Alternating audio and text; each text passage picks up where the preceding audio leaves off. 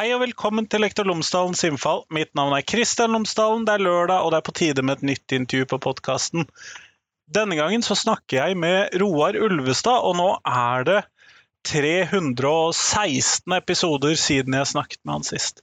Siden dette er en ekstraepisode, så regner jeg med at du skjønner at dette dreier seg om fullføringsreformen og stortingsmelding 21. Vi snakker om Schopenhauer, Lotepus, eh, Petter Pilgaard. Vi snakker om eh, vinneren av Norges tøffeste denne sesongen som gikk nå nettopp. Vi snakker om eh, frihetsreformen til Venstre. Hva har den å gjøre, og alle disse andre, med fullføringsreformen? Så det er dagens tema på podkasten. Podkasten er som vanlig sponset av Cappelen Dam Undervisning, og hvis du går inn på skolen.cdu.no, så finner du alle de ressursene, oppleggene, innholdet som Cappelen Dam har laget i forbindelse med eh, fagfornyelsen i grunnskolen. Det er alle fag, alle tema, alle tverrfaglige tema, alle årstrinn, hele grunnskolen. Skolen.cdu.no. Her får du intervju med Roar, vær så god.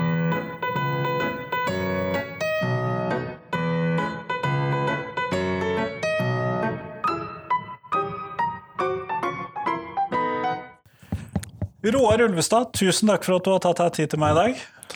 Tusen takk for invitasjonen, Kristian. Det er nå det lenge siden sist vi eh, møttes i, på, på, denne litt uh, sånn nervøsitetsfremkallende situasjonen. Ja, du var jo med i episode fem, uh, sånn at uh, det er noen episoder imellom denne episoden og den gang da. Ja, Nøyaktig hvor mange er det du har klart å lage? I dag slapp jeg episode 320, så hvis dette blir nummer 321, da. Ja. Det er jo vanvittig. Det har vært uh, faktisk på tide å intervjue deg om, om uh, erfa erfaringene og hvordan dine holdninger og innsikter har forandra seg. Jeg må, jeg må spørre, Er det noen som har svart nei? Ja, det er noen som har svart nei. Ja, men, men slippe, den, liste, slippe, den listen er ganske kort, da. Ja, men Du skal men... slippe å oute de. Det, det må de få full rett til. Eh, men vi må jo som alltid, og det er jo en stund siden sist, så vi må spørre deg også. Eh, fortell lytterne mine tre ting om deg selv, sånn at de kan få bli litt bedre kjent med deg. Ja, det må jo bli utdannelse, da, altså litt om sivil status og, og, den delen av livet. Og litt om hva jeg jobber med og har jobba med. Jeg er utdanna egentlig over lang tid ved universitetet. Var faktisk eh, adjunkt med tilleggsutdanning i 23 år, før jeg tok en mastergrad i i um, erfaringsbasert master med fordypning i norsk. Fryktelig langt, uh, langt men veldig sånn inn inn uh, sånn uh, tittel, da. Ja. Så da, da har jeg har fått være lektor da i sju år nå. Så det har på en måte den, den bakgrunnen. Med mest i norsk, norskfaglige ting, både på både litterære og språklig bakgrunn. Jeg hadde gammelt litteraturvitenskap fra slutten av 80-tallet, så da jeg begynte på eh, mastergradsnivå, så var det nat naturlig å utfordre meg sjøl på språklige ting. Så da tok jeg en mastergrad som uh, prøvde å gå inn i det med metaforforståelse. Hos, eh, hos, elever. Det var kjempegøy. Da fikk jeg på en måte en, sånn, en litt balanse i, i det nordiske regnskapet mitt med både språk og litteratur. Så det var veldig gøy. Eh, og eh, per i dag så jobber jeg som eh, på dagtid som fulltids tillitsvalgt i Utdanningsforbundet. Jeg har det som kalles et delt frikjøp. Jeg har en 60% på Utdanningsforbundet Vestland, og da de resterende 40 på Utdanningsforbundet i Bergen. Og Der gjør jeg litt forskjellige ting. I disse dager så holder vi på i, på fylkesnivå og jobber med en strategisk plan, der vi prøver å lage gode målsetninger for vårt politiske arbeid, og hvordan vi skal komme oss dit. Mens på i mitt liv i lokallaget så jobber jeg med, litt med personalsaken, og det har på en måte gått litt uh, skeis i kommunikasjonen ofte. Så prøver vi å bidra etter beste evne til å få uh, fart på kommunikasjonen igjen. I tillegg så har jeg eh, vikariert litt. Grann, en ny opplevelse for meg, og en kjempeflott opplevelse som har gitt uh, mersmak. Jeg har undervist uh, noen timer på voksenopplæringen for minoritetsspråklige. Og det er jo en, uh, faktisk en Det å kjenne på at du har en, en sånn betydning for, som fagperson, det jeg tror det er lite som kan, kan matche det å hjelpe denne, denne, gruppen til å klare seg bedre i, i samfunnet. Og, det, og, språk er jo, er jo nøkkelen til å, å, klare seg i dette språk ja, nær sagt infiserte og, samfunnet. Men uten, uten språk så, så, vi kaller det sies at du språkfattighet. Er du språkfattig, så blir du også fattig på andre måter. Så språk er kilden til å, til å to prosper and grow, tenker jeg. Og så har jeg også hatt en liten eh, det som kalles en bistilling på universitetet, der jeg har undervist i språk- og litteraturdidaktikk for voksne lærere. Eller alle lærere er jo voksen. Eh, det må, det Men PPU-studenter, da? Nei, det er ikke PPU. Oh, det er innenfor kompetanse for kvalitet. Det er da en litt, litt, lett blanding av folk som eh, tar det fordi de har lyst, mens andre som har fått da lett vennlig press fra arbeidsgiver til å videreutdanne seg for å fylle kompetansekravene, som vi har nå hatt i en periode, og som vi har fremdeles over oss til 2025. Så det er fremdeles så blir, er det litt trykk på det der. Men det, er, jeg tror de fleste de, fall, de, de er fornøyde og syns det er gøy. Og det er gøy å undervise etter, et, etter hvert du innser at du blir eh, eldre når du har undervist en haug med ulike eh, elev- og studentkategorier fra 12 til 60 eh, år, og føler litt på eh, aldringsprosessene. Men det er også inspirerende, og blir, liv, undervisningslivet blir på en aldri måte likt. Det er ingen dager som er like, og det er ingen, ingen år som er like. Men det vet jo du sjøl også, som har, Jeg har begynt å innse det. sysler med ulike ting, Kristian. Det er gøy å gjøre forskjellige ting. Det er jo det. Og grunnen til at vi snakker sammen i dag Vi har jo planlagt litt sånn forskjellige episoder opp igjennom, og sånn, men i dag så har vi rett og slett landa på denne fullføringsreformen og stortingsmelding 21. Og der har du skrevet at vi har ikke en fullføringskrise, men vi har en yrkesfagskrise. Og hvordan eh, kan du hevde det? Nei, Det mener jeg å belegge med statistikk. Og statistikken viser jo at uh, de aller fleste elevkategoriene i, i uh, videregående har en svak bedring i sin fullføring. Fullføringen har blitt bedre. Med ulike politiske styre så har vi likevel fått en bedring for alle kategorier, bortsett fra uh, yrkesfag, og da særlig uh, yrkesfagelevene med minoritetsbakgrunn, som, uh, som sliter med å, å gjennomføre. Og vi, vi, har ikke, vi, har ikke, fullanalysert hvorfor akkurat det er disse som Hva de sliter mest med. Men det er jo der vi bør legge inn støtet, i, i stedet for å, gjøre fullføring til et generelt problem for hele videregående. Fordi de fleste videregående klarer seg ganske bra, og eh, mange av de som, som, på en måte ikke fullfører studiespesialiserende, da, eh, så, det, så, burde de kanskje ha gått på yrkesfag i utgangspunktet.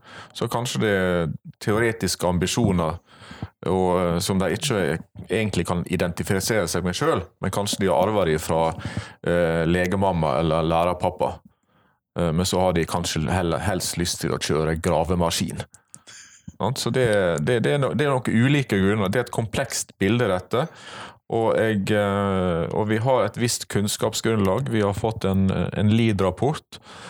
Og denne LID-rapporten, som sier mange ting om videregående opplæring, den er ikke så entydig i hva som er gode virkemiddel, som i alle fall eh, kunnskapsminister Melby har vært. Som eh, på sett og vis jeg kan kjenne igjen i hennes fullføringsreform måten hun bygger opp argumentene, ordene hun bruker, hun bruker så, så, er det tatt fra eh, det som blir kalt for Venstre sin frihetsreform i 2020. Den tror jeg ikke jeg fikk med meg engang. Nei, det er et vedtak på, på landsmøtet. Der, hvis du går gjennom punktene, så eh, går det an å kjenne igjen mange av disse i, uh, i denne fullføringsreformen. Jeg har tatt med noen, har tatt med noen sitat. Ja. Det er vi glad i. Eh, fra denne frihetsreformen. Jeg synes, og nå, nå må jeg si unnskyld til eh, eventuelle venstrefolk som måtte lytte på. fordi nå jeg har jeg tatt ut ting som jeg eh, syns er mangelfulle i retorikken. Litt tvilsomme utsagn. Mens det er jo også mange gode ting i, i denne frihetsreformen. Uh, frihet er et tveegget sverd. For stor frihet det, det, kan også skape lammelse og, og egentlig fortvilelse. Ja, Man har jo snakket om den forbanna friheten. Og... ja, det, det, skal god Jeg hadde, en, hadde, det faktisk som eksamensoppgave på videregående i 1986, så gammel er jeg, at det, det skal god bør til å tåle gode dager. Jeg skjønte jo ingenting av det som, som 17-18-åring. Eh, men jeg har skjønt det etter hvert at det, det, er ikke sikkert at, at, at maks optimal frihet gir optimal utvikling. Vi, vi, må, vi, må, se på hvor mye frihet er bra for oss på, i ulike livsfaser. Hvor, hvor godt kan vi velge? Hvor godt kan 15-åringen velge, sånn at 13, 30 år, den 30-årige utgaven får det livet som 30-åringen vil ha? Det er ikke sikkert 15-åringen vet hva 30-åringen vil, heller. Nei, det håper jeg da ikke at 15-årige Christian visste hva 35-årige Christian nå vil. Nei, det ser du. Men iallfall så er det en av de aller første påstandene da i eh, denne frihetsreformen fra 2020. Der står det at videregående skole uh, samler unge voksne som er i stand til å ta egne valg. Og det, er mange sånn retoriske spørsmål jeg da automatisk stiller. Ja, er nå alle det? Er, er, alle unge voksne i stand til å ta egne gode valg? Klart de er i stand til å ta valg. De er i stand til å ta kjempegode valg, kjempedårlige, og midt imellom. De kan spre seg utover hele spekteret. Men hva skal til for at valgene blir så gode som mulig? For det er jo det vi vil. Vi vil at 16-åringer skal ta så gode valg som mulig, og få, få det livet som, som er mulig å få til. Og, eh, og nå, hvor godt er kunnskapsgrunnlaget til en jevne 16-åring for å ta godt kvalifiserte valg? Hvis det hadde vært så kjempegodt, så hadde jo undervisning og skole vært helt overflødig. For da er de jo klare til å ta alle valgene. Voksen... Da hadde vi ikke trengt noen fraværsreform. Nei, fraværsgrense, i hvert fall. Voksenliv, here we come. sant? Det, vi, vi kan alt, vi vet alt. Sant? Og det er jo en kjensgjerning for alle som, eh, som på en måte har følger barn sin utvikling. At når barna plutselig blir 20, så blir plutselig foreldrene veldig intelligente og kloke. Og da, da, er, og da er, faktisk 20-åringen eh, føler seg sjelden like klok som 16-åringen. Det skjer noe der i disse årene. Så, eh, så det, det med Hva trenger det egentlig for å ta gode valg? Og, og, hva, og hva, er passe Eh, utvalg av valg for en 16-åring å kunne ta sjøl. Hvilke valg er det lurt å la 16-åringen ta, og hvilke valg er det lurt at 16-åringen ikke tar? Jeg mener at denne her litt grelle påstanden fra Venstre om at videregående skole samler unge voksne som er i stand til å ta egne valg, det er en svært mangelfull påstand som, som en burde ha uh, vært litt mer sjølkritisk sånn, til. Å lansere den helt oppe på toppen av sin liste, det er drøye saker. Men jeg tenker jo det at hvis vi bare venter litt før vi går videre til neste sitat, da. Eh, så jeg har mange elever som jeg ville kalle flinkiser. Jeg tror at de kan ta det valget. Det kan de, det er, jeg, det er jeg enig i. Eh, og eh, jeg så jo også på Jeg å virkelig ikke å følge med på alle podkastene dine. Det, livet er for kort. Og, det er jeg helt enig i. Ja. Men jeg så at du hadde intervjua lederen av Elevorganisasjonen. Og, eh, og, han var jo veldig positivt innstilt til denne reformen. Men så tenker jeg at eh, ok, eh, representerer hans syn Han er jo satt til å representere det, det som er det, det, på en måte best for flest. Men er det best for flest? Du sa jo det sjøl også. sant? Er det, alle, alle, er ikke i stand til å ta like gode valg. Og, så jeg syns han, han har vel kanskje en holdning som passer for han sjøl. For jeg tror han er i stand til å ta veldig gode valg. Men er alle som han representerer, i stand til å ta sine optimale valg? Jeg mener jo nei, da, og at det er derfor vi har en skole. For å, å gjøre unge mennesker i stand til å gjøre bedre og bedre valg. Og, det, det, og vi må ha trua. Jeg husker jeg leste en bok av Thomas Sies, en av de mest berømte pedagogene i, i um, Europa. Og han mente det at voksenlivet Vi må ha trua på at voksenlivet kan tilføre de oppvoksne noe positivt. At det er, det er noe som vi har, som er bra for ungdommen å ha. Hvis ikke så blir det ungdommen som blir våre lærere, og så blir det vi som imiterer ungdommen.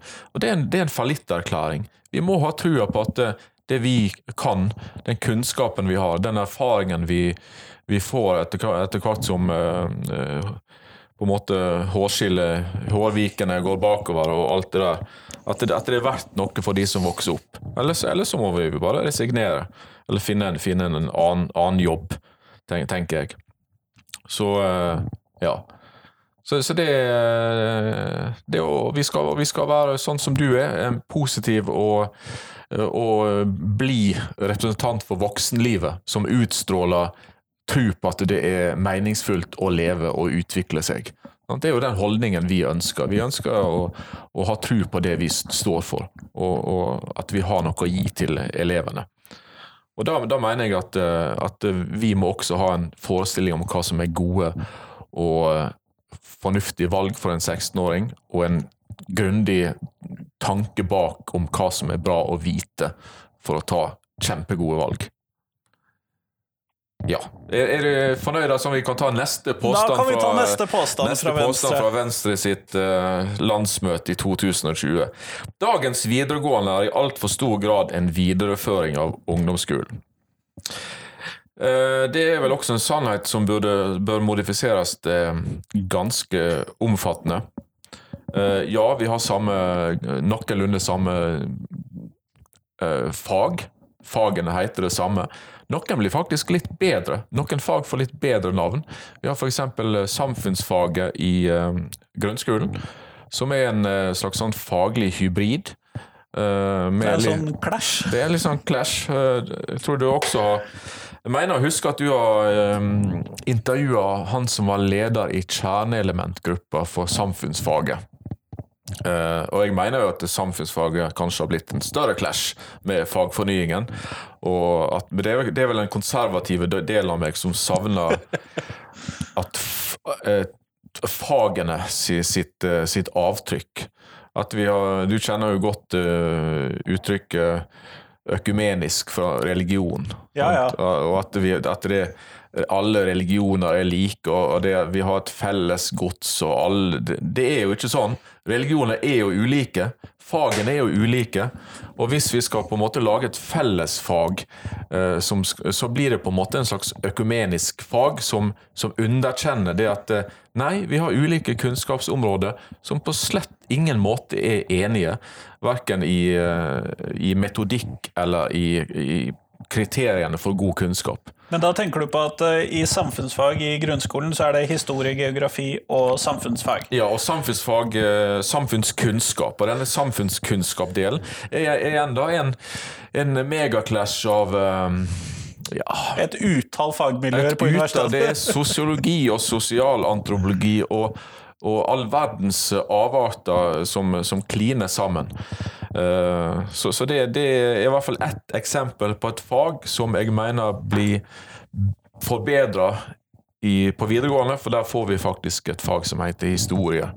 Uh, og vi, vi, har fag Vi kan kjenne igjen faggrensene sånn som vi ser det i disiplinfagene i uh, høgskole og universitet. Takk og lov for det. Uh, det, er, det, er, forskjell på ungdomsskole og videregående.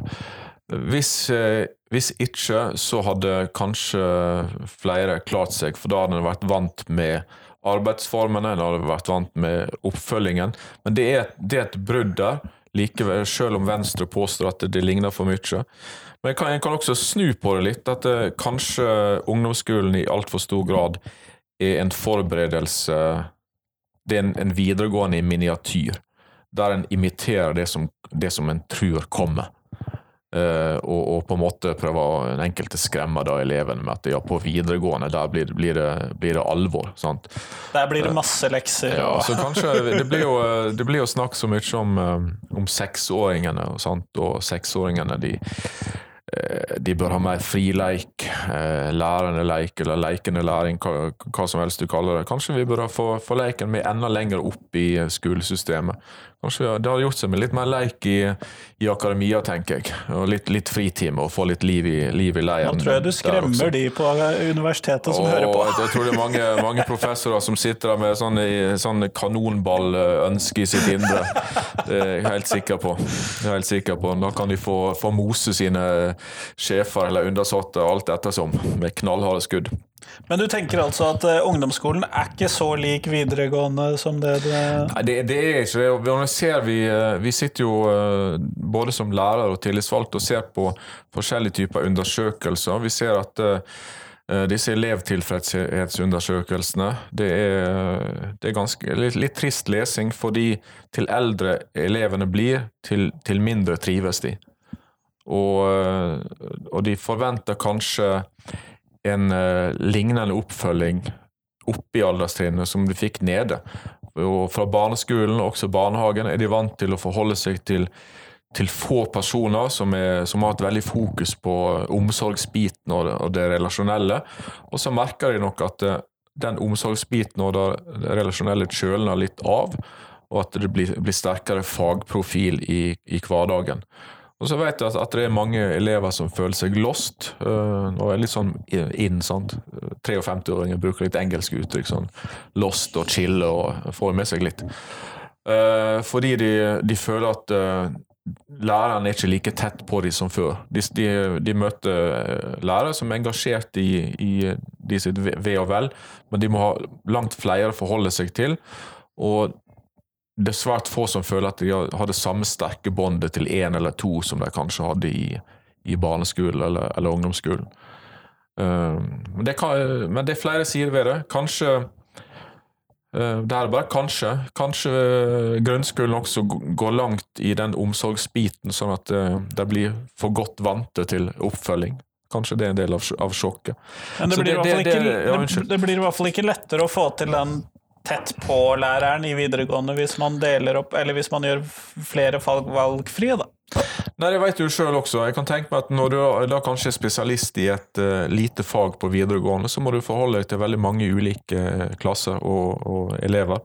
Og Da sier det seg sjøl at det blir helt vilkårlig hvem du får en, en nær og god kontakt med, og, og hvem som blir bare et, uh, et navn på listen. Uh, så, men, men jeg, jeg, mener at at videregående og grunnskole kan ha godt av å i, i felles fora se nøyere på denne, denne kontaktlærerbiten spesielt. Hvordan kan vi styrke uh, opp, få en felles kultur og struktur på det med opp, oppfølging? Uh, slik at de føler på en måte at, at det blir jevnt passe på i hele utdanningsløpet. For det er et brudd som oppleves i, i overgangen fra ungdomsskole til videregående. Kan jeg føye på her i, i, tillegg, da, siden jeg har fått litt sånn eh, softspot for den eh, gjengen. Og det er jo eh, de som går i voksenopplæringen. Og som da, og tenk spesielt på de i voksenopplæringen som har en annen etnisk og språklig bakgrunn enn en, en oss to kvitingene her, Kristian. De har langt dårligere rettigheter enn normaleleven på oppfølging på det som på en måte er ikke-faglig. Uh, ja, for de mangler jo en kontaktlærerfunksjon, de har, egentlig. De har, de har ikke kontaktlærerfunksjon, de har ikke den, eh, den framforhandla retten til kontaktlærer som alle andre har. De har heller ikke rett på, på skoleskyss og andre gode som alle elever i skolen har. Um, og det er, det er kjempe, et kjempesavn, og da føler de seg også underprioritert. Og lærerne som jobber i det systemet, føler at de, de er underprioritert. Fordi de sosiale behovene til en 30-åring fra Aleppo de eh, tror jeg faktisk på mange områder kan toppe de sosiale behovene til en 15-åring fra Fana. Det tror jeg òg, men jeg oppfatter i hvert fall at på dette området så styrkes i hvert fall rettighetene til elevene med fullføringsreformen. da. Ja, det, takk og lov for det. Jeg syns at det, det, de skal ha kred, kred, for den biten at, at de får styrka rettigheter til fullføring. Det, det, er bra. Det er kjempebra. Heia Venstre på akkurat det. Så Jeg har et uh, tredje Nei, jeg har faktisk uh, fire sitater til sammen. Ja, jeg kan, være, jeg kan være litt kjappere på de to siste. da. For jeg, har, jeg har, vil fortelle litt om, uh, om Lotepus og Petter Pilgaard litt seinere. Ja, vi kommer tilbake til det. Ja, vi må få med de også. Men det står at Venstre vil at videregående opplæring skal speile samfunnet. Jeg mener at For majoriteten av, av, voksne som er i arbeidslivet, så er, er, det ikke sånn at hverdagen er preget av kreativitet og innovasjon og brainstorming over kaffekoppen, der vi utvikler både oss sjøl og det vi holder på med. Vi har, vi har fremdeles et arbeidsliv der vi har et arbeidsliv som utvikler seg i stadig strengere beskrivelse av, av jobbutførelse, med veldig teite frister for å levere produkt. Produkttenkingen har gått fra det merkantile og industrien over i det menneskelige. Så en som i dag jobber i Nav-systemet, snakker da om produksjon. Og Det handler om å bli ferdig med saker, og, eh, sånn at statistikken ser bra ut, eh, og at den, at en gjør jobben sin. Så det er produksjonsbegrepet. Vi har en forråelse i, eh, i arbeidslivet, ingen tvil om det. Spesielt i, i den delen av arbeidslivet som er, er mest fysisk krevende. Og Der er tidligere rådgiver for um, Jonas Gahr Støre, Jonas Bals, som nå er vel i LO-systemet. Han er jo sjøl uh, håndverker, og han uh, sa på et foredrag at han var usikker på om han ville anbefale sin egen datter å bli håndverker. Fordi uh, den arbeidskulturen som er i dag, der rettighetene er så svekka som de er, og, fristene er så knappe, så er det, det er et sånn rovkjør på menneskelige ressurser. Selv om han elsker faget sitt, så vet han faktisk ikke om han vil anbefale det. Fordi det, den kostnaden er for stor både i helse og, og tidsbruk. Så, så det når, når Venstre vil at videregående opplæring skal speile samfunnet, ja, skal vi, skal vi tilføre den logiske glipp der i at vi skal tilføre valgfri, styrka valgfrihet til, til alle, når valgfriheten ute i eh, samfunnet for veldig mange faktisk har blitt mindre enn før. Eh, så, er, hvis, så, hvis, Venstre virkelig vil at videregående opplæring skal speile samfunnet, så må, må en også ha et åpent blikk på er som, hvordan er det i samfunnet. Hvordan er det i disse yrkene der vi må importere arbeidskraft fra andre land for å få gjort jobben. Det er beintøffe yrker, og disse fantastiske polakkene og, som vi uh, får inn til å fikse badene våre og snekre husene våre og terrassene, de gjør en kjempejobb. Uh, og de er fornøyd med betaling som knapt en uh, norskfødt arbeider ville tatt imot. Så de, de, gjør en kjempejobb. og grunnen til at de slipper til, er at samfunnet har blitt som det er blitt, med den arbeidskulturen og de strukturene som er. Det er beintøff konkurranse i, i mange i entreprenørvirksomheten, f.eks. Uh, så der jeg må, jeg må peise på. Og det er, med, det er ikke at en, en brenner lys i begge endene for arbeidsstokker, men en kaster i peisen. Det, folk blir forbrukte. Det blir det. Sånn, så, og, og, i det bildet skal vi da styrke videregående og styrke rekrutteringen til, til yrkesfag. Men, og, og valgfrihet vil gi et falskt bilde til 16-åringer av hva som skjer ute i arbeidslivet for de aller, aller fleste. Eh, når du leste opp det sitatet og begynte på beskrivelsen din, så holdt jeg på å vitse med det at eh, alle kan jo ikke være så heldige å være lærere. For jeg oppfatter jo lær læreryrket som et sånt variert og fri, relativt fritt yrke med Ja, og det er vel uh, Og det, jeg tror uh, Jeg leste faktisk om inntaks, søkerstatistikken til videregående opplæring, og der var ikke læreryrket med på topp ti. Nei, det hadde ramla ut. Det hadde ramla ut. Mens toll, varehandel og grensekontroll var faktisk på en andreplass. Og det har, visst å gjøre med at var en reality-serie fra sånn grensekontroll. Der var det sikkert noen tøffe gutter og tøffe jenter i uniform. Det som, høres ikke ut som min første preferanse, i hvert fall. nei, men det, det, er veldig fascinerende at akkurat det yrket har kommet da inn blant alle de andre mer sånn uh, tradisjonelle uh, statusyrkene. Så ja, det, var, det, var, fascinerende. Men hvis vi først skulle tenke oss yrker som kunne øke i popularitet fra reality-TV, så tenker jeg at det er ikke det verste. Nei, eh, det, det, er ikke det. det, er ikke det. Så det jeg syns det er et hederlig, hederlig yrke. Men, men, men, det er mange hederlige yrker, og hvordan skal vi, eh, hvordan skal vi eh, rekruttere til alle disse hederlige yrkene? Men det siste sitatet. Ja, for Venstre er individets frihet til å velge og bestemme selv selve hjørnesteinen i et moderne samfunn. Nei, det er ikke det, Venstre. Det er å faktisk å få folk ut i alle jobbene vi trenger for å opprettholde velferdssamfunnet. Det er det som er hjørnesteinen. Det at vi klarer å motivere bredden i befolkningen til å fylle ut bredden i behovet i yrkeslivet, og velge yrker som de kan trives med til de går av ved pensjonsalder, forhåpentligvis da ved 67, hvis de da ikke jobber i et, i et yrke med en negativ uh, pensjonsstatistikk. Jeg tror det, det Og der til, det viser seg at uh, til mer menneske, Det jeg kaller for menneskeyrkene, der jobben er å samhandle med andre mennesker, det, det, er de som er, yrkene som er krevende.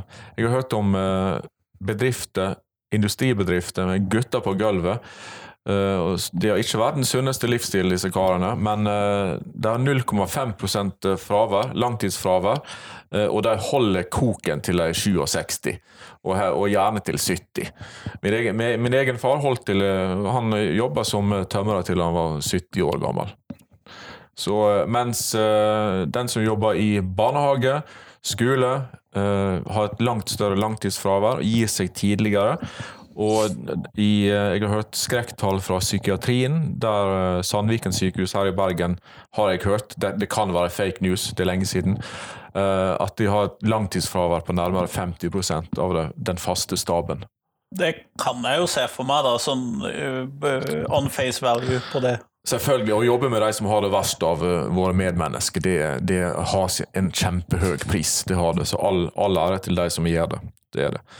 Men, men du sa at du skulle komme innom uh, Lotepus og Petter ja. Pilgaard, og hvordan er de relevante her? Ja, men Jeg tenkte å nevne en annen enn før, da. fordi hvor, og, hvor, ofte får du anledning til å nevne Schopenhauer og Lotepus i samme samtale? Sjelden. Sjelden, sant? ja.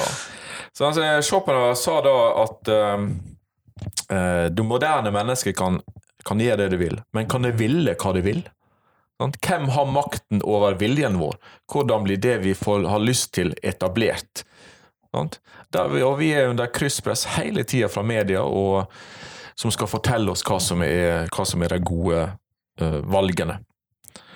Uh, og uh, jeg tenker at med all den lettvinte propagandaen som vi får, der egentlig folk står i kø for å få oss til å, å velge Eh, spesiell atferd, bruke pengene våre på en spesiell, spesiell måte. Så motvekten vår faktisk er, er kunnskap. Gode, gamle kunnskap. Det er det å sette seg litt inn i, i ting. Og, og, prøve å finne ut hva som har skjedd før uh, i menneskeheten, før en uh, går videre. Uh, Schopenhauer, ett sitat til av han. Jeg synes han er, han er så svartsynt at en må, at en må le. Det, jeg blir glad av å lese Schopenhauer, han, er, han får meg liksom mine egne halvmelankolske tendenser til å framstå som, den, som rett og slett uh, overfladiske. Men iallfall, han sier at uh, mange ser på grensene for sitt eget synsfelt som grensene for alles synsfelt. Det at vår, vår erkjennelse, min erkjennelse som individ, den er det Ingen kan vite mer enn meg. Min erkjennelse er suveren. Det jeg vet, er suverent. Og, og, jeg trenger ikke å lære noe for å fortsette å være suveren. Nei, hvis jeg, hvis jeg, lærer noe, så kan det være at jeg begynner å sette, sette spørsmålstegn ved min egen suverenitet. Det må vi unngå. Vi må holde kunnskapen på avstand, uh, for da kan vi opprettholde dette Schopenhauerske vrengebildet, der vi uh, egentlig er veldig sjøltilfredse. Men jeg er stygt redd for at uh, hvis vi da tar lett på det med kunnskap, så blir vi arrogante. Og hvis en da på en måte velger vekk kunnskap nå i forbindelse med denne fullføringsreformen, i, eh, i et, under et sånn frihetsalibi. Eh, Det tror jeg vi får pang i retur. At vi, får en, eh, vi kan få en, en ytterligere fordumma og egoistisk befolkning. Det mener jeg. Jeg vil spissformulere det såpass at vi, vi, vi kan bli dummere. Vi kan bli mer sjølgode.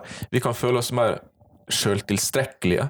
Og, og ja, få en, en, en oppskrudd tro på oss sjøl. Og eh, ja. Så det, det var egentlig det. Det var shoppen der. Er du, jeg lurer veldig på hva jeg Ja, tenkte på, jeg- Er du klar for lotepus? Jeg er klar er for lotepus. Ja, jeg er klar for lotepus. Det er bra. Um, han er, jeg har jo sett mange opptreden av han på, eh, på TV. Det er jo sånn Når vi har, har sånne yrker som vi har, så har vi sånne guilty pleasures der vi synker sammen i sofaen og så ser vi på eh, idiotiske TV-program. Med mindre en er så aktiv som du, da, Kristian. Jeg ser masse idiotisk TV Åh, for øvrig. ja, det var åh, så bra. Så bra. Så, men eh, jeg kan mene masse om Lotepus. Han er jo så langt fra min egen person som det kanskje går an. Men eh, han virker ikke som en person som går på akkord med sin egen overbevisning. Han, han går for det, går for det han, han står for det han, han gjør. Eh, faktisk så har vi, eh, ifølge en student jeg hadde, eh, som jobber på videregående i, i Odda, han sa det at i Odda så har de opplevd lotepuseffekten. Og det er at mange av de lokale 16-åringene de har fått opp eh, De har fått lyst til å bli fjell- og bergverksarbeider, sånn som gamle Lotepus. Ja! Ja. Så han har fungert som et eh, lokalt forbilde da, eh, for mange unge, som står der og som 16-åringer som, som skal velge. Og Det har ført til at en stor gjeng har rett og slett flytta på hybel. Og jeg mener at det tilbudet er i, i, i Os, i no, i Nord-Bjørnafjorden kommune. Så disse her som har ønsket å bli som lotepus, de har faktisk måttet flytte vekk fra Odda, med det resultatet at eh, Odda videregående eh, ifølge minnet da måtte redusere sitt tilbud med én stilling. Så Lotepus har bidratt til å svekke den videregående opplæringa i, eh, i Odda. Men til gjengjeld så har han i hvert fall skapt eh, interesse for et praktisk yrke. Og er det noe vi trenger på Vestlandet i, eh, i, til, nær sagt til evig tid, så er det folk som kan eh, flate ut fjell. Og- og Trenger vi flere 16-åringer med dynamitt? Er det det du sier? ja, jeg tror kanskje i hvert fall, om ikke 16-åringen, så kanskje 18-åringen med fagbrev og dynamitt eh, kan ha noe for seg. Og han eh, godeste Lotepus, han en, eh, en Han fikk også en annen kjendis til å velge å bli en mann av folket. For han var med i Farmen kjendis sammen med Petter Pilgaard. Og dette jo, ble jo en helt omveltning for eh, gode, gode gamle Petter. For han møtte jo både kjærligheten i form av Vendela Kirsbom, og han fikk litt tru på egne krefter. Sikkert litt i samhandling med Lotepus. Eh, De ble jo gode venner. Hvem skulle tro det? Eh, Petter Pilgaard han vant jeg måtte google, han vant jo da Paradise Hotel i 2009. Han hadde jo mange år som TV-kjendis. Og eh, jeg måtte også google sånn skumpa. Sånn skumparty. Ja. Eh, kan du forklare det? Kan du forklare skum, skumpa, Christian? Du som er litt yngre enn meg. Og... Du tar et diskotek og putter inn mange fulle og rusede og eller danseglade mennesker. Eh, og så fyller du dette rommet da med såpebobler eh, kjempemye. Ja, Og så putter du da på litt sånn fargeglad lys og strober og litt sånn forskjellig, og kjempehøy musikk. ja, det høres jo nesten ut som en sånn illegalt houseparty i Bergen på eh, 90-tallet. Ja da, det er ingenting som eh, ikke voksne mennesker i dag har hatt noe kjennskap til. Sånn. Nei da. Nei, men det, er greit. Da fikk jeg var ikke alt der jeg visste, så det syns jeg var, var fint. Men i, i alle fall, han eh, Pilgaard, da, med over ti år som sånn uh, TV-kjendis, så har han jo på en måte fått en taste av, av det kjendislivet med høy sigarføring og, og champagne og, og seine nachspiel som går langt over i soltimene. Eh, Men han valgte det vekk, og eh, valgte da å bli gravemaskinsjåfør. Han valgte et praktisk yrke, for han syntes det, var, det var, føltes mandig og fint. Og jeg siterer han Jeg synes det er kult å gjøre et ærlig arbeid og få litt skitt på buksene og under neglene. Han er en av de som da Han hadde det livet som fryktelig mange unge drømmer om. Uh, masse fester, gøy, skumpa hit og dit, var sammen med andre kjendiser. Føle seg uh, in the life. Uh, og han går den andre veien. Han sa nei, det er ikke det jeg vil. Jeg vil kjøre gravemaskin. Jeg vil flytte på jord og flytte på stein og, og se ting forandre seg under mitt, mitt, min håndtering av spakene. Syns jeg er, kjempebra. Så, eh, så, kanskje Lotepus og Petter Pilgaard sammen har gjort mer for å eh, ja, gi en sånn, Vær litt sånn forbilde for den som vil velge, som har lukta på skal jeg ta et praktisk yrke, eller skal jeg ta det som mamma og pappa tenker er lurt av meg å finne på. Så, så all, all, ære til de for det. Så kan vi, eh, så uten å peke for mye i etoset til noen av de, så syns jeg det er knallbra. Um, og det går, går, litt imot. Vi har jo, uh, vi har jo denne mastersyken der, og, som har gått totalt bananas. Uh, nå må man jo ha, må, må jo ha master for det, for det meste. Det ser vi også i stillingsutlysningene og stillingsbehovene i både privat og offentlig sektor, at en, du kommer ikke langt med en bachelor i dag. Så vi har fått et sånn massivt krav om utdanning. Eh, og det, Jeg tror ikke det kravet er like legitimt eh, i alle sektorer.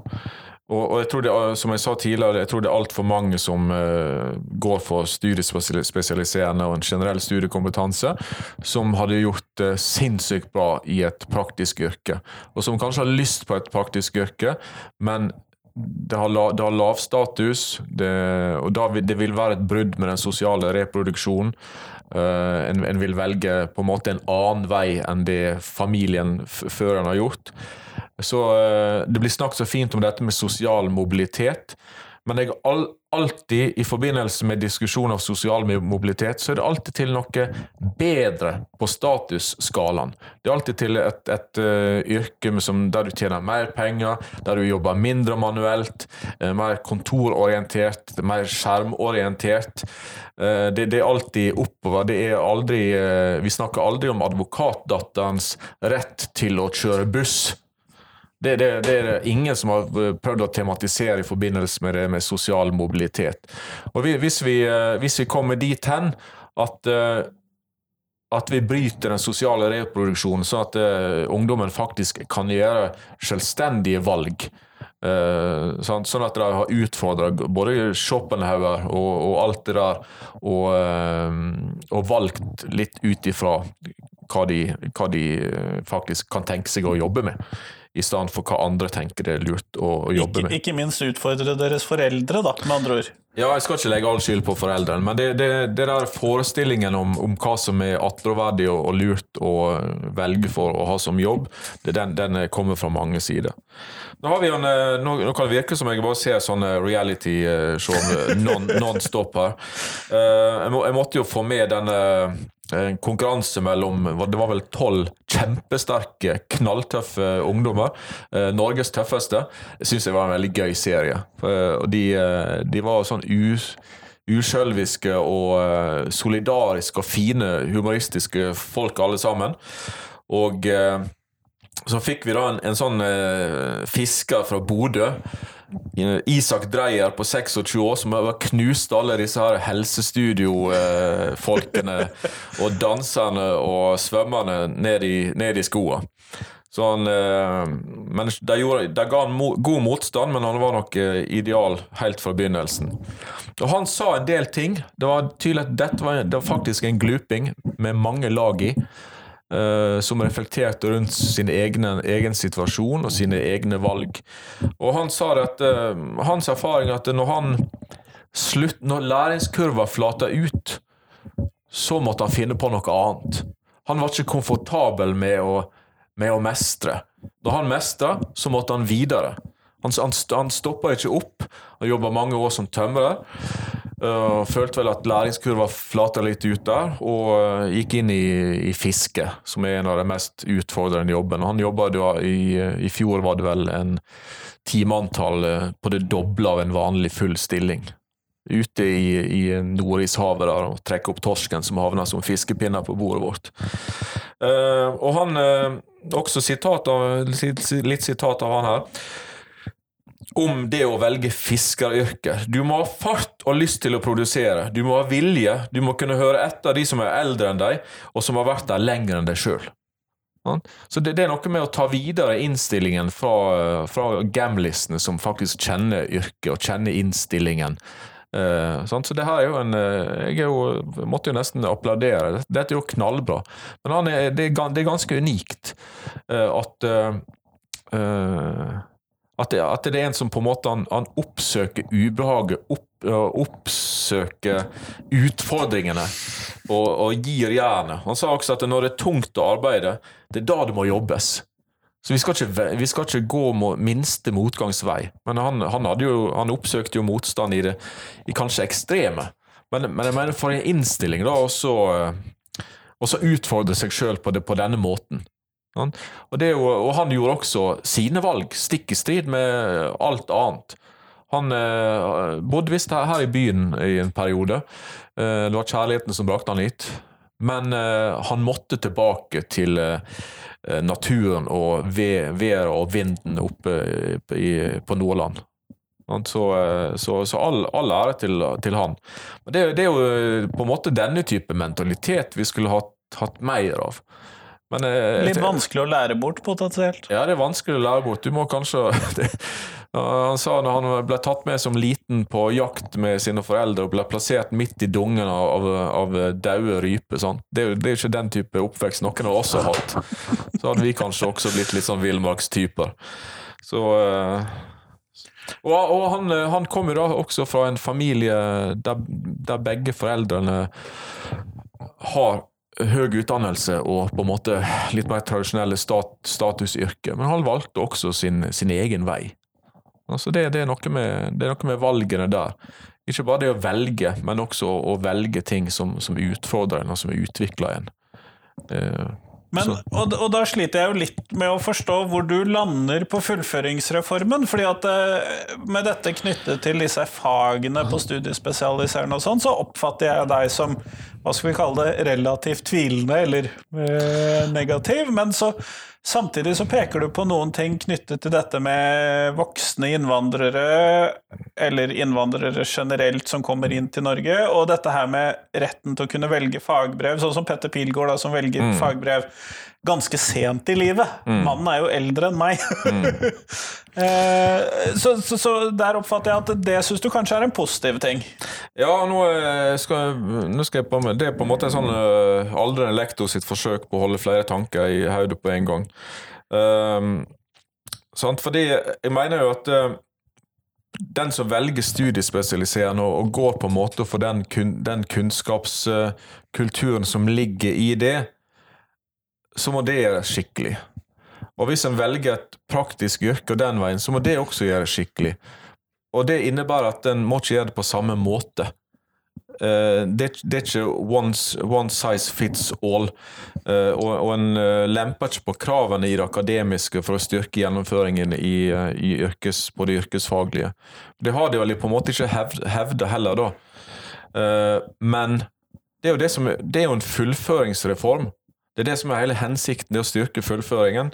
Men, og virkemidlene eh, er, er da blant annet å fjerne uh, humanistiske fag på studiespesialiserende. Uh, så, så det, det, er en logikk der som ikke henger helt sammen. Det som henger sammen, er jo styrka rett til fullføring. At vi får en, en, en, en, en annen type romslighet med denne reformen. Og det er bra.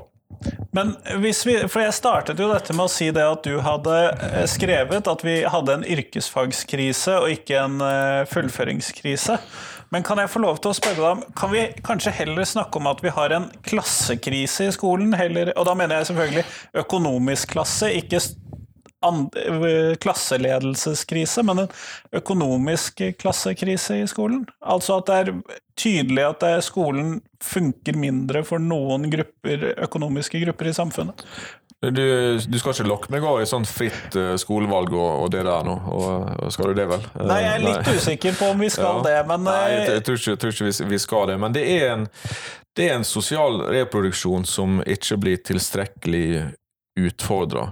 Og på en måte en av mine kjepphester. Jeg prøver alltid å framsnakke kjepphester, for jeg er sikker på Christian, at eh, hvis du får uh, fortelle grundig om din kjepphest, så vil jeg uh, synes at det var en god kjepphest. Så, uh, så jeg slår alltid et slag for, for kjepphesten.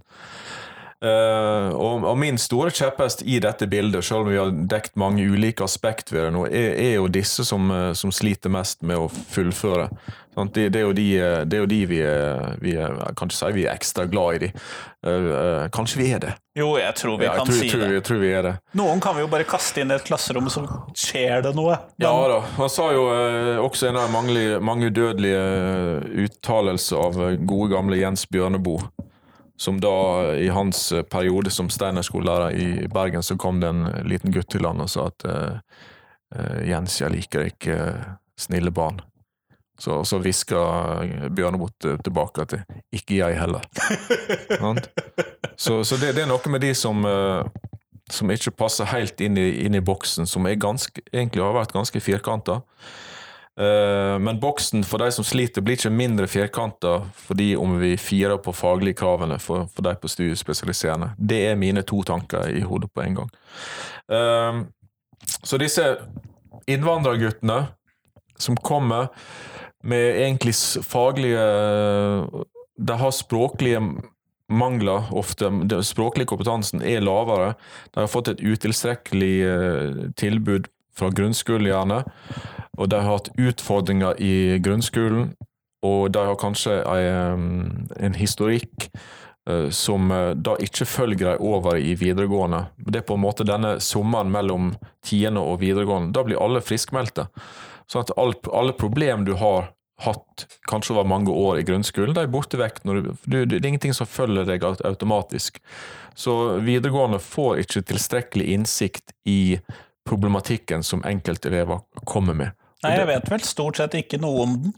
Nei, og, det, og da, du, da, møter du og På ei side så møter du da eh, elevene fordomsfritt, men du møter dem også kunnskapsløst. For det kan være helt vesentlige ting som du, du faktisk burde visst.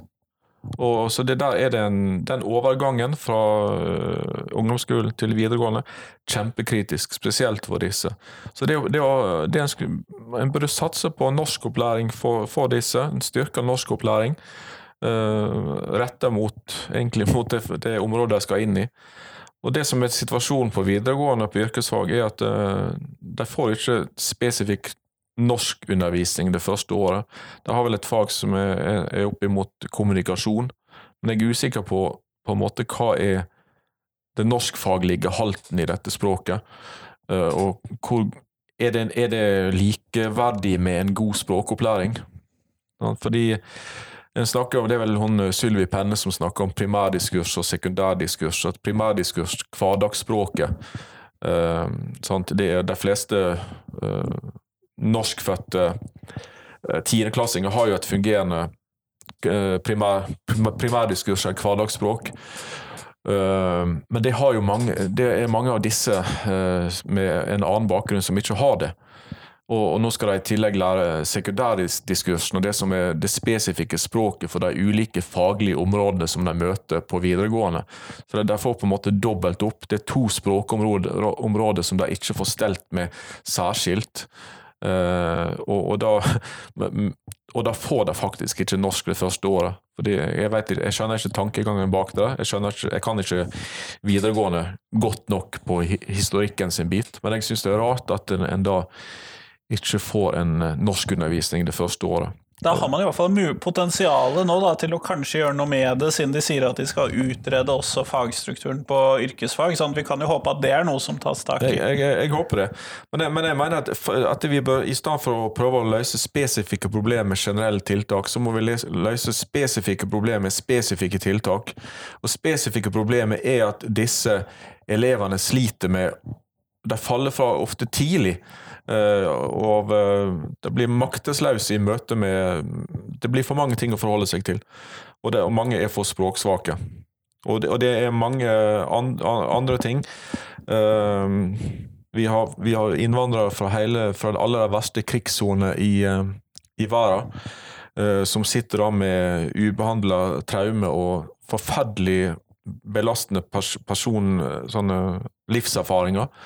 Eh, og det er ingen rettigheter til å få hjelp med dette. Rådgivningstjenesten på videregående er retta mot det faglige. Og det, og det å få til det, Alt er så formalisert. Det, det, er ingen som har som jobb å snakke med disse, også for vi som møter dem gjennom fagene. Men det er, er 10, 15 og 20 andre også i klassen så vi, vi, får ikke fulgt dem opp. Vi har heller ikke, Det er ingen av oss som, som har forutsetninger for å følge opp en som kommer med, med traume fra en krigssone i, i, Midtøsten eller, eller, Afrika. Nei, det inngikk ikke i min utdannelse. Nei, akkurat som vi, selv om jeg har liksom en million studiepoeng i, i språk og litteratur hit og dit, det er jo ikke en kjeft som har lært meg noe om, om dysleksi eller lærevansker eller noen ting. Du må liksom ta det ved, ved eh, sånn autodidakt underveis. Litt, litt, på linje med sikkerhetsreglementet i uh, infanteriet.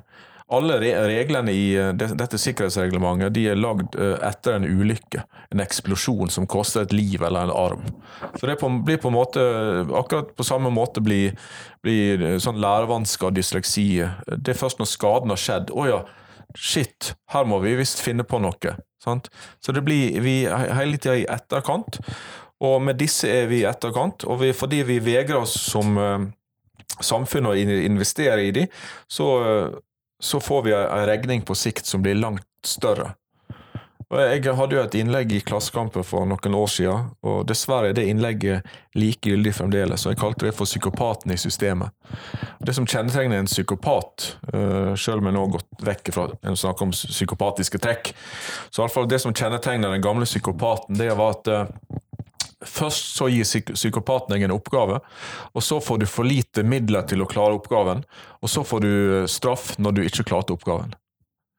Og, det er litt det samme med Jeg mener at disse, denne innvandrereleven vi har, de blir utsatt for en psykopatisk atferd. Eh, de får oppgaver som de ikke mestrer, eh, og de får utilstrekkelig informasjon til å klare oppgaven. Også når de da ikke mestrer oppgaven, så skylder vi på de. Uh, det, og det mener jeg Jeg, syns det er så påtrengende og prekært at er, er, dette en villa politikk? Lar vi være å investere i dem fordi det er enkelte politiske fraksjoner som, eh, som uh, syns det er greit at de opprettholder et dårlig rykte? Her, nå er vi nesten inne i sånn konspirasjonsteori og chartersveien. Men, men uh, vi går mot slutten av podkastintervjuet, Roar. Eh, så jeg må nesten avbryte deg der innenfor sånne tidsrammer og sånn. Men eh, hvis vi skal se på hva skolen skal lære elevene da, for å avslutte på en potensielt positiv note, hva er det tre viktigste tingene skolen lærer elevene?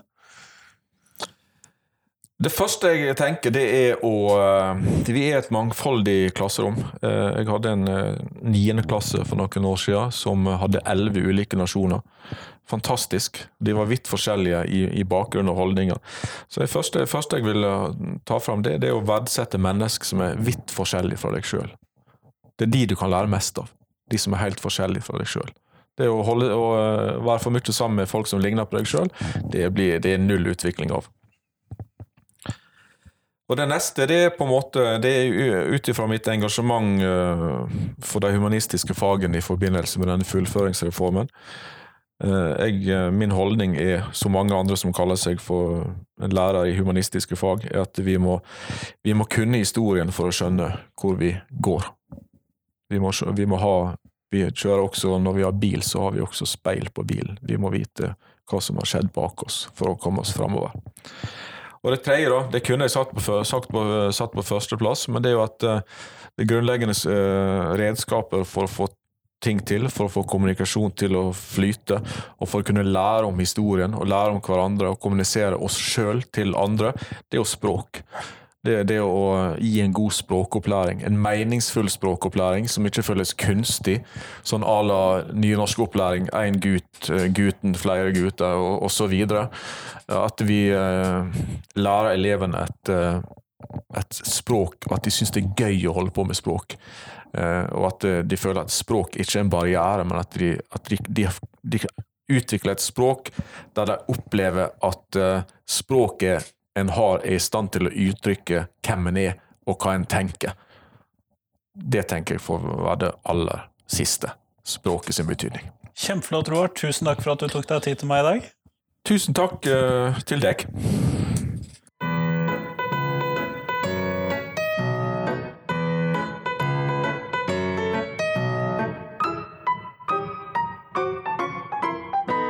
Tusen takk til Roar, og tusen takk til deg som har hørt på. Nå satser jeg på at du får ha en god helg videre, og så kommer det vanlige episoder på podkasten på tirsdag. Det er noen to uker til, tenker jeg, med ekstraepisoder knyttet til fullføringsreformen. Så velg ut selv det du har lyst til å høre på, porsjoner du, ta resten i sommerferien. Det tenker jeg blir bra. Ellers er jeg veldig glad for at du hører på podkasten. Hva har du lyst til å høre mer om? Det må du fortelle meg. Send det inn til meg. Enten bruk skjema på lektorlomsdalen.no, eller via Instagram, Twitter, Facebook, et eller annet. Det heter Lektor Lomsdalen alle stedene.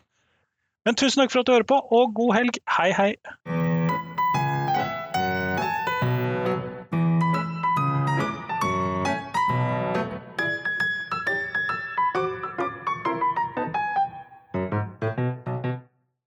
Husk at hver eneste torsdag så kommer jeg ut med et uh, tenketorsdag-bilde, hvor jeg stiller et spørsmål jeg tenker er viktig å reflektere over for norsk skole.